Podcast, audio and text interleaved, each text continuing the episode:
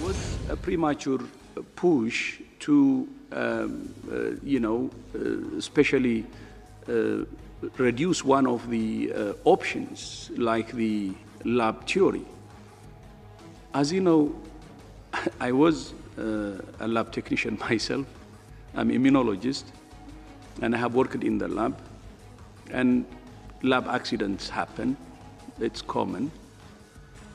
I have seen it happening, and I had I myself had errors. So it can it can happen.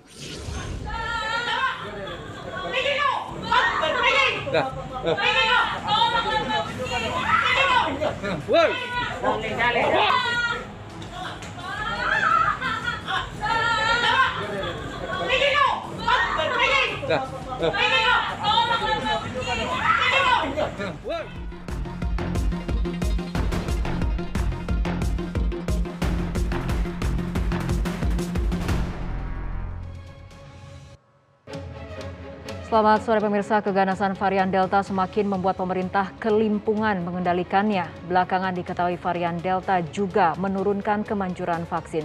Lantas bagaimana nasib vaksinasi ke depan? Masih efektifkah? Ulasannya akan menjadi topik utama kami dalam Prime Time News untuk hari ini bersama saya Fitri Megantara. Kami awali informasi hari ini dalam Prime Flash. Polisi kembali mengungkap sindikat lima orang relawan COVID-19 yang diduga memasukkan sertifikasi kartu vaksin di kota Batam, Kepulauan Riau. Dalam aksinya, pelaku nekat memasukkan sertifikat vaksin guna kepentingan pribadi dengan menjual ke warga yang membutuhkan sertifikat vaksin. Dalam satu hari, pelaku berhasil meraup keuntungan hingga 5 juta rupiah. Kelima pelaku ini terancam hukuman 6 tahun penjara.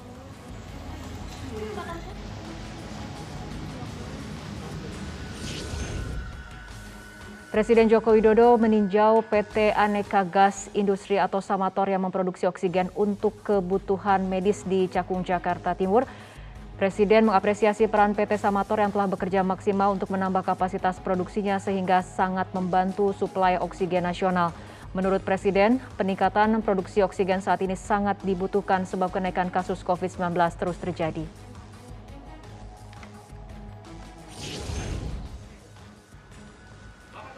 Tim Satgas COVID-19 Lawang Kidul mengevakuasi puluhan karyawan perusahaan energi dari salah satu hotel di Muara Enim ke tempat isolasi yang disediakan oleh pemerintah.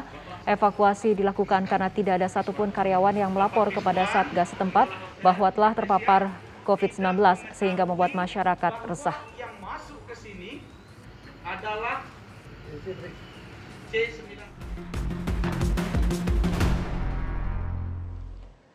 Sempat memperlonggar kebijakan COVID-19, sejumlah negara adidaya kini dihantam varian Delta, di antaranya Amerika Serikat dan Australia.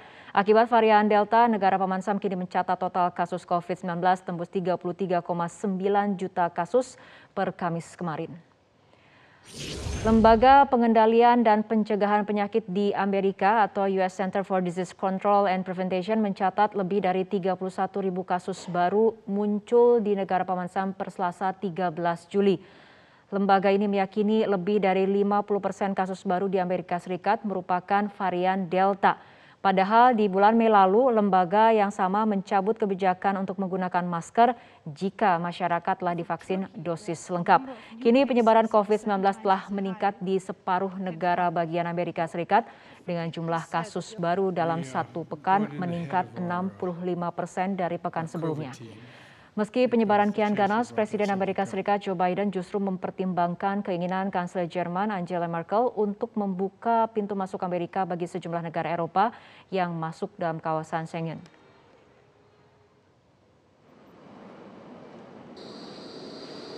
Selain negeri Paman Sam, pemerintah negara bagian Australia Victoria mengumumkan kebijakan lockdown selama lima hari karena ada 24 kasus baru COVID-19 di Victoria.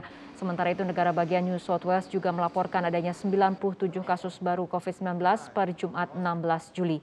Untuk itu pemerintah daerah Sydney dan New South Wales kini menerapkan lockdown pekan ketiga untuk menekan penyebaran COVID-19.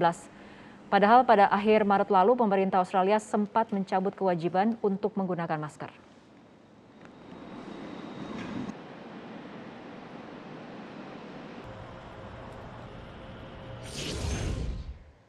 Sementara itu, Dirjen WHO Tedros Adhanom meminta Tiongkok untuk transparan terhadap penyelidikan asal-usul COVID-19. Jika sebelumnya WHO menyebut kebocoran lab di Wuhan sangat tidak mungkin, kini WHO mengatakan hipotesis itu terlalu dini untuk dikesampingkan. Tedros pun meminta Tiongkok untuk memperlihatkan situasi lab pada masa sebelum dan di awal pandemi COVID-19. Are asking actually China to be transparent, open, and cooperate, especially on the information raw data that we asked for at the early days of the pandemic. Uh, there was a premature push to, um, uh, you know, uh, especially uh, reduce one of the uh, options, like the lab theory. As you know, I was a lab technician myself. I'm immunologist, and I have worked in the lab. And lab accidents happen; it's common. I have seen it happening, and I had I myself had errors. So it can it can happen. Um, well, um, And checking what happened, especially in, in our labs, is, is important. And we need information, direct information on what the situation of these labs was before and at the start of the pandemic.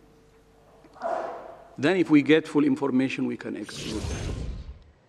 Dari dalam negeri, kepadatan kendaraan roda 2 maupun roda 4 masih terjadi di sejumlah titik baru penyekatan, salah satunya di pos penyekatan Underpass Mampang Perapatan, Jakarta Selatan. Antrean kendaraan ini dipicu pemeriksaan SRTP selama PPKM darurat. Pantauan tim drone Metro TV menunjukkan sejak Jumat pagi, petugas pos penyekatan hanya membuka dua jalur pemeriksaan, baik untuk motor dan mobil. Antrean kendaraan mulai terjadi sekitar 200 meter jelang titik penyekatan. Beberapa pengendara bahkan sempat membunyikan klakson imbas kemacetan tersebut. Pemeriksaan dokumen relatif berlangsung cepat, tidak sampai satu menit untuk setiap pengendara. Namun tidak sedikit pengendara yang diputar balik oleh petugas lantaran tidak membawa RSTP. Mereka diputar balik menuju arah Jalan Kapten Tendean. Kepadatan serupa juga sempat terpantau di Jalan Basuki Rahmat kawasan Cipinang, Jakarta Timur. Sempat terjadi kemacetan lalu lintas sepanjang 1 km akibat banyaknya antrean kendaraan yang menunggu giliran pemeriksaan surat tanda registrasi pekerja oleh petugas gabungan. Bagi pengendara yang tidak memenuhi syarat untuk melintas, petugas memutar balikan arah kendaraan ke arah Cililitan. Namun kawasan Jalan Panjaitan juga sudah dilakukan penyekatan sehingga kendaraan harus berputar kembali ke arah Bekasi. Sementara itu, mulai Jumat ini PT Jasa Marga mulai menutup jalan tol layang Muhammad bin Zaid. Penutupan jalan tol ini dilakukan untuk mendukung PPKM darurat demi mencegah penularan COVID-19. Dengan penutupan ini, Jasa Marga berharap mereka dapat membantu menekan laju mobilitas warga menjelang Hari Raya Idul Adha pada 20 Juli nanti. Rencananya penutupan jalan tol layang ini akan diterapkan hingga Kamis mendatang.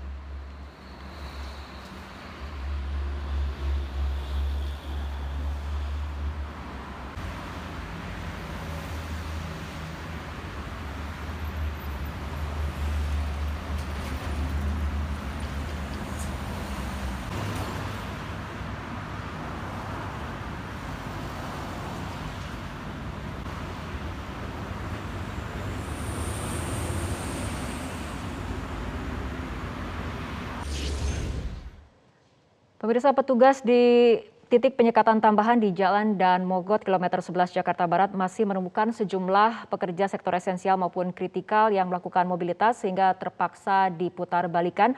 Untuk informasi selengkapnya akan disampaikan langsung oleh Marcelina Tumundo langsung dari Daan Mogot, Jakarta. Mariselina, bagaimana pantauan Anda dan juga tim lapangan saat ini mengenai kondisi di titik penyekatan? Apakah kemudian di pekan kedua ini sudah mulai menunjukkan ada penurunan mobilitas atau seperti apa? Fitri, saat ini kami berada di kilometer 11 Jalan Daan Mogot. Ini merupakan salah satu titik penyekatan baru yang didirikan oleh pihak Polda Metro Jaya demi menekan mobilitas warga. Kalau kita lihat saat ini kondisinya yang dapat dikatakan termasuk dalam jam pulang kerja, memang cukup ramai dilalui oleh uh, masyarakat Uh, dan pihak petugas gabungan pun dari pihak kepolisian, TNI, Satpol PP dan juga Dinas Perhubungan Provinsi DKI Jakarta melakukan pemeriksaan di titik penyekatan ini.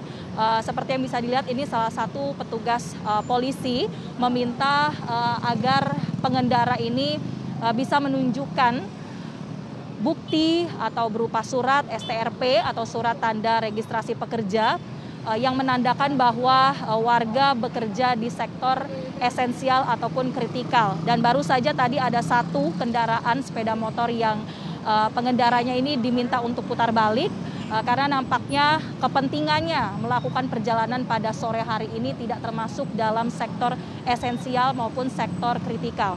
Kalau kita melihat ini uh, kondisi jalan memang menjadi cukup padat karena kendaraan harus diberhentikan di posko penyekatan ini. Dan untuk mempermudah proses pemeriksaan, pihak petugas juga sudah membagi menjadi dua jalur. Jalur yang paling kiri adalah untuk sepeda motor dan jalur uh, di sebelah kanan ini adalah untuk kendaraan roda 4 atau lebih termasuk untuk uh, kendaraan Transjakarta.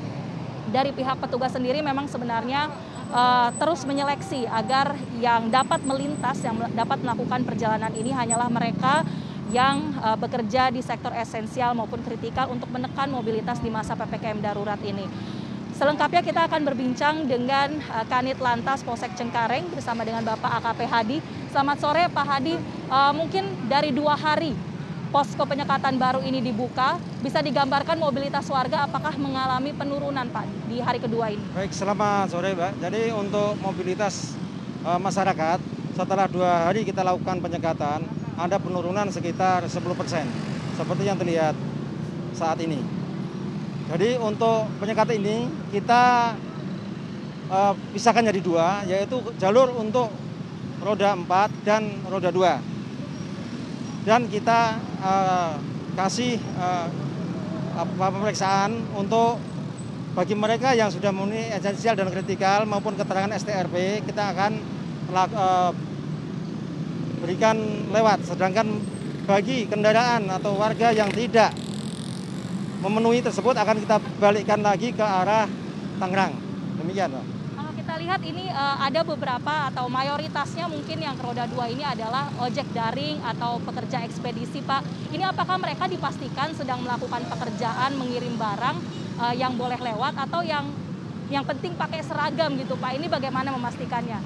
Uh, kita pastikan mereka mengirim barang, kita cek dokumenannya, Mbak. Berarti ada pengecekan ada dokumen pengecekan, juga ya? Seperti yang kita lihat tadi. Uh, yang dikecualikan yang bisa langsung melintas ini apa saja Pak? Yang dikecualikan ya sesuai uh, kritikal maupun esensial, medis, ambulan, dan mereka yang sudah mempunyai keterangan STRP tadi. Di titik-titik penyekatan Pak, biasanya kita melihat mungkin ada warga yang tidak terima, tidak bisa melanjutkan perjalanan sampai marah-marah ke petugas. Bagaimana caranya untuk mengatasi jika ada warga atau pengendara yang seperti itu Pak? Uh, kita ngasihkan pengertian kepada warga yang mungkin ngotot ingin lewat ya secara humanis walaupun uh, bagaimanapun kita uh, memberikan pengertian agar mereka tidak keluar rumah apabila tidak perlu. Uh, baik Pak, uh, satu lagi Pak mungkin uh, kalau di jam-jam ramai seperti ini, ini kan uh, menimbulkan kemacetan panjang juga ya Pak uh, karena adanya penyekatan ini. Mungkin uh, strateginya seperti apa sih Pak agar tidak menimbulkan kemacetan?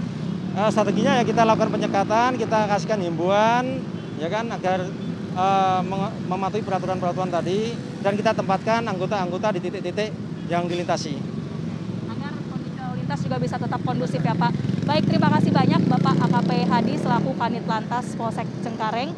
Uh, jadi demikian uh, bagaimana upaya yang dilakukan oleh para petugas ini sebetulnya untuk di sepanjang jalan Daan Mogot saja uh, dari uh, pantauan kami ada tiga titik penyekatan. Tidak hanya di kilometer 11 ini saja, tapi juga ada di kawasan Kalideres sampai di Batu Ceper uh, sudah memasuki kawasan Tangerang. Diharapkan dengan adanya titik-titik penyekatan yang ditambah atau titik penyekatan yang berlapis ini dapat terus menekan mobilitas warga, terutama yang tidak bergerak di sektor esensial maupun kritikal. Demikian, Fitri. Marcelina Tumundo, terima kasih atas laporan Anda. Pemirsa Ikatan Dokter Indonesia atau IDI menyatakan kondisi fasilitas kesehatan di Indonesia saat ini sudah berada di fase kolaps secara fungsi alias functional collapse. Informasinya akan kami hadirkan usai jeda.